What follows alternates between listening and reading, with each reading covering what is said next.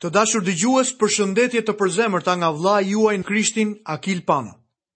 Jemi duke studiuar në librin e Levitikut dhe kujtoj që kemi mbyllur kapitullin e 23 të këtij libri, i cili u mor me çështjen e festave të ndryshme.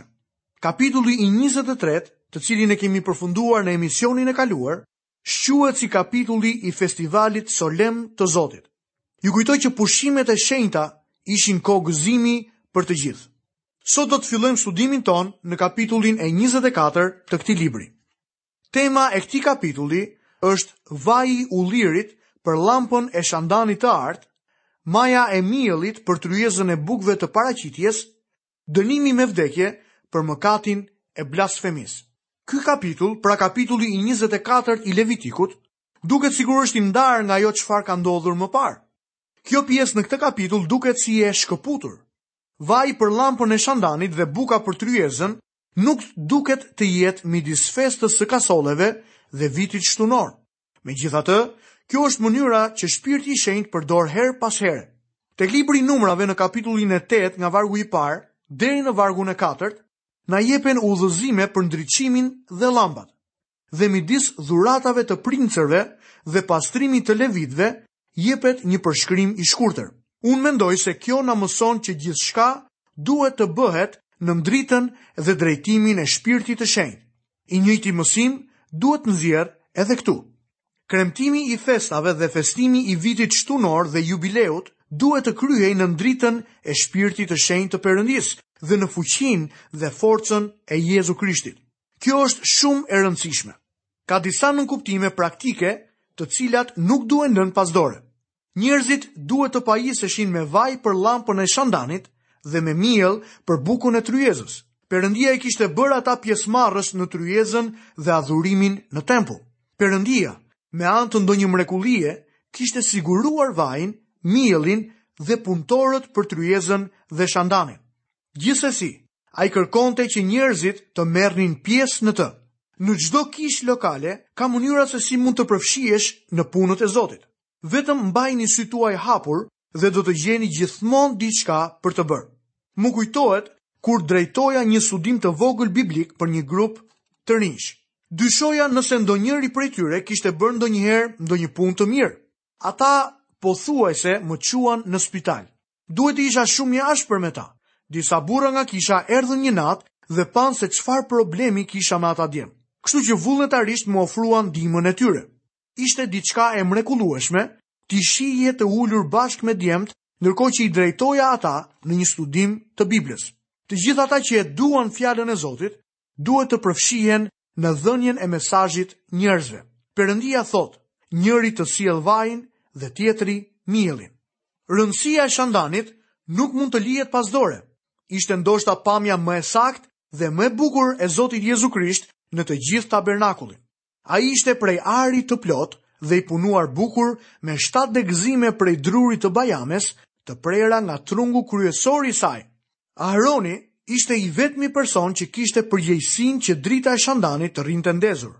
Sot llampat janë në duart e Kryepriftit tonë të lartë. Zoti Jezu Krisht tha se Ai është drita e botës. Përpara se të largohej, Ai u tha dishepujve të Tij, se ata duhet të ishin drita e botës. Apostulli Pal përdori të njëjtën ide kur tha, në mes të të cilit ju ndriçoni si pishtarë në botë.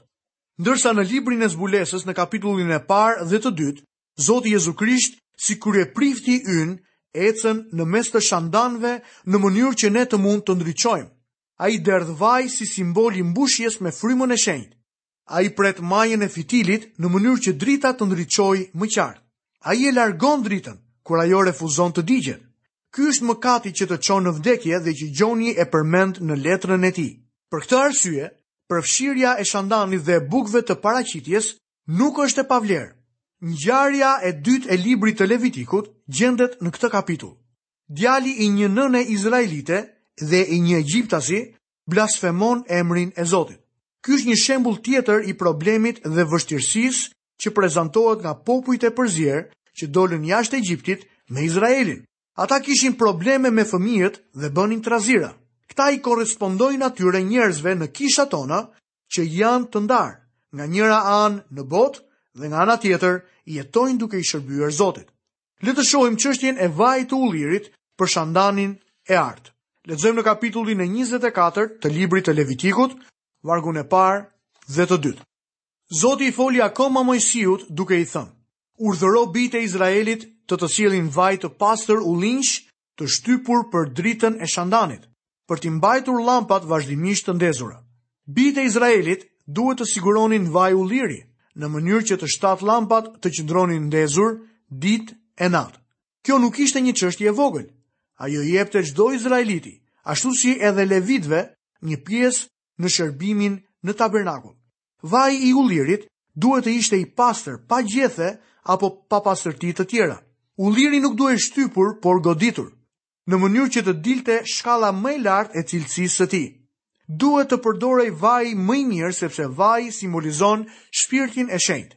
Lexojmë më poshtë vargjet 3 dhe 4. Në çadrën e mbledhjes, jashtë velit që është përpara dëshmisë, Aaroni do të kujdeset për vazhdimësinë nga mbrëmja deri në mëngjes para Zotit. Është një ligj i përjetshëm për të gjithë brezat tuaj.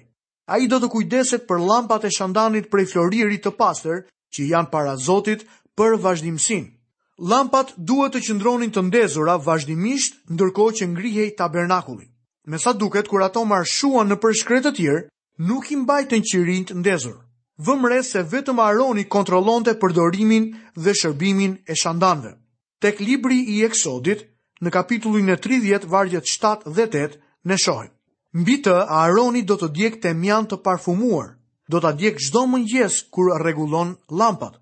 Kur Aroni ndez llampat në të ngrysur, do të djegë temjanin. një temjan i vazhdueshëm përpara Zotit për brezat e ardhshëm. Zoti Jezu Krisht po ecën në mes të shandanëve sot. Ai është kryeprifti ynë, ai pret majat e fitilave duke lëvizur në zemrat dhe në jetët tona. Ndonjëherë atij i duhet të heqë një pjesë të djegur, që në vend të dritës po lëshon tym. Le të shohim më poshtë çështjen e majës së miellit për tryezën e paraqitjes së bukëve. Do të lexojmë në vargjet 5 deri në vargun e 7. Do të marrësh majë mielli dhe me të do të pjekësh 12 kulaç, çdo kulaç do të jetë 2 të dhjetat e efës. Do t'i vendosësh në dy radhë, gjashtë në çdo radhë mbi tryezën prej ari të pastër përpara Zotit. Dhe në çdo radhë do të vësh temjan të pastër. i cili ka për të qenë një kujtim mbi bukën si një flijim i bërë me zjarr për Zotin. Edhe mielli, ashtu si vaji i ullirit, duhej sjellë nga njerëzit. Ashtu si vaji simbolizon frymën e shenjtë, buka simbolizon Krishtin. Te Gjoni kapitulli 6 dhe vargu i 35, Zoti Jezus tha: Unë jam buka e jetës. Kush vjen tek unë, nuk do të ketë më kurrë uri, dhe kush beson në mua, nuk do të ketë më kurrë etje. Mielli bëhej prej grurit. Temjani ishte një lëng natyral, prej pemëve dhe ishte një dhuratë që bëhej nga njerëzit. Buka simbolizon Krishtin ndërsa temjani aromën e mrekullueshme të anës njerëzore të tij. Lexojmë vargun e 8 dhe të 9 në kapitullin e 24 të librit të Levitikut. Çdo të shtunë ai do të vendosë bukët përpara Zotit, në vazhdimësi ato do të merren nga bijtë e Izraelit. Kjo është një besëlidhje e përjetshme. Bukët i përkasin Aronit dhe bijve të tij, dhe këta do t'i hanë në një vend të shenjtë, sepse do të jetë një gjë shumë e shenjtë për atë midis flijimeve të bëra me zjarr para Zotit. Është një ligj i përjetshëm. Buka duhet të qëndronte mbi tryezë për një javë. Ajo duhej ndryshuar në ditën e shtunë dhe buka e vjetër duhej ngrënë nga Aroni dhe djemtë e tij gjithmonë në vendin e shenjtë. Kur Davidi dhe miqtë e tij ishin në nevojë për ushqim, Abimeleku i dha për të ngrënë disa nga bukët e paraqitjes. Zoti ynë e përmendi këtë kur farisenjtë e kritikuan sepse dishepujt e tij hëngrën nga disa kallëza gruri ditën e shtunë. Buka dhe drita simbolizojnë Zotin Jezu Krisht. Tek Gjoni gjashtë dhe vargu i pesëdhjetë e një ne shohim, Unë jam buka e gjallë që zbriti nga qielli. Nëse një ha nga kjo bukë, do të jetojë përjetë. Buka që unë do të jap është mishi im, që unë do ta jap për jetën e botës. Dhe më poshtë në kapitullin e tetë të Ungjillit të Gjonit, vargu i dymbëdhjetë, Jezusi sërish na tregon. Dhe Jezusi u foli atyre përsëri duke thënë, Unë jam drita e botës. Kush më ndjek, nuk do të ecë në errësirë, por do të ketë dritën e jetës. Ne duhet të ushqehemi tek Zoti Jezus në mënyrë që të mund t'i shërbejmë Atij.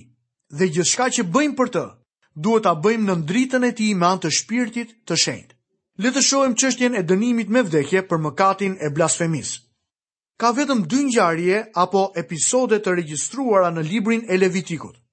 Njëri është episodi i Nadabit dhe Abihut tek Levitiku, kapitulli 10, kurse në këtë kapitull jepet episodi tjetër.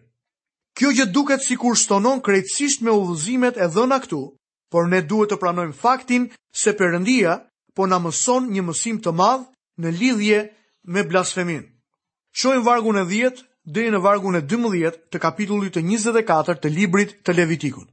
Ndërkaq biri i një gruaje izraelite dhe i një egjiptasi doli në mes të bijve të Izraelit dhe ndërmjet djalit të gruas izraelite dhe një izraeliti plasi një grindje.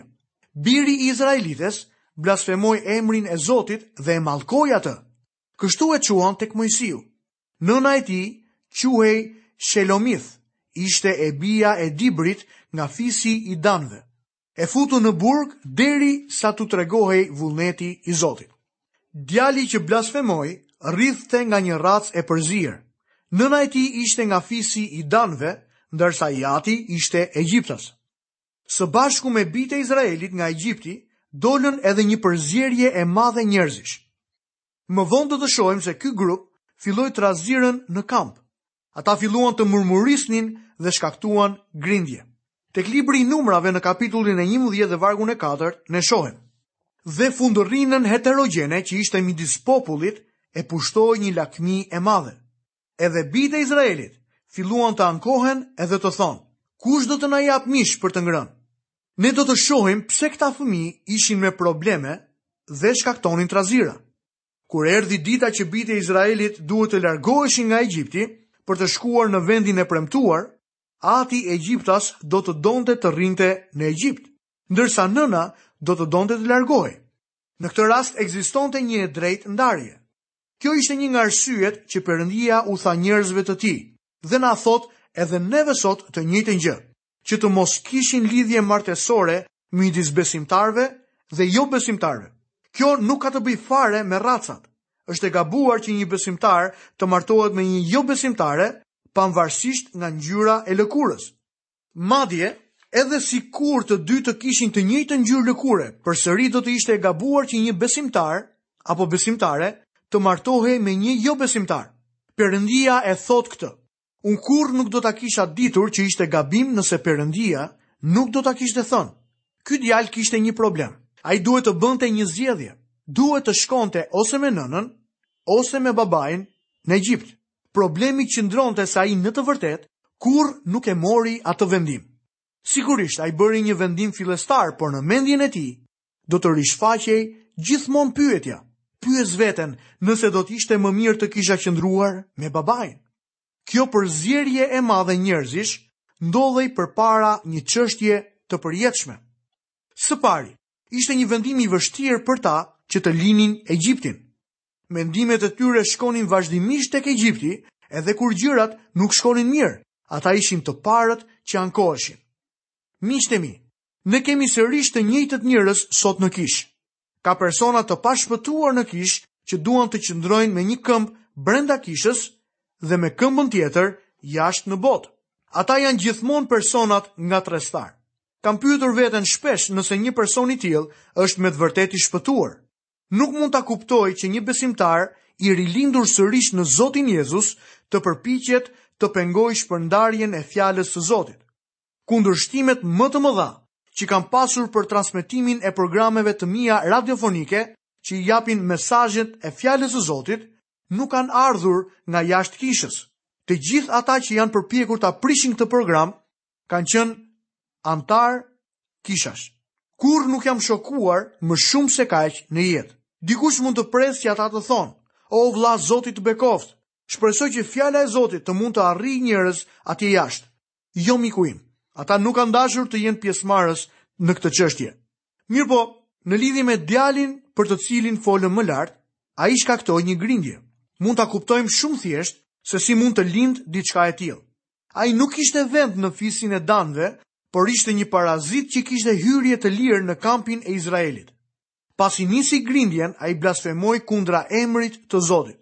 Ai mallkoi emrin e Zotit, emrin që ishte aq i shenjtë në Izrael, saqë nuk mund të përmendej, dukej qartë që ishin vetëm katër shkronja në këtë emër.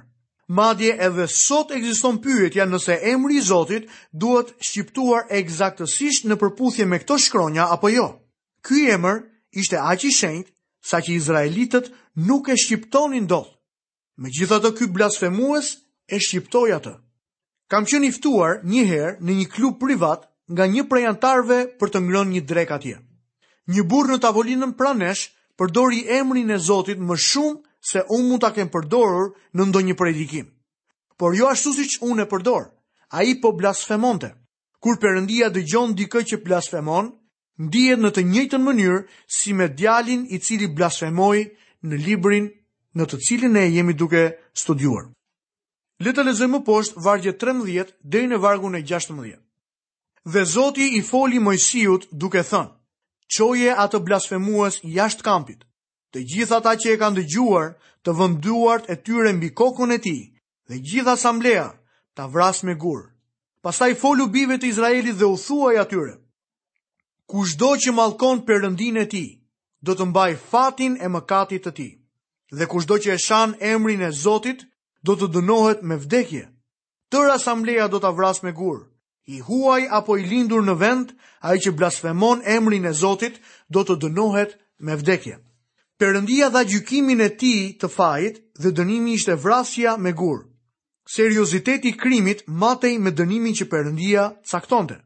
Të gjithë ata që e dëgjuan blasfeminë do të vendosnin duart e tyre mbi kokën e tij për të treguar vendosjen e fajit vetëm mbi djalin e ri. Për blasfemi ndaj Zotit zbatohej dënimi me vdekje, dhe ky dënim do të paguhej nga izraelitët apo të huajt që jetonin në vend. Lexojmë më poshtë vargjet 17 deri në vargun e 22.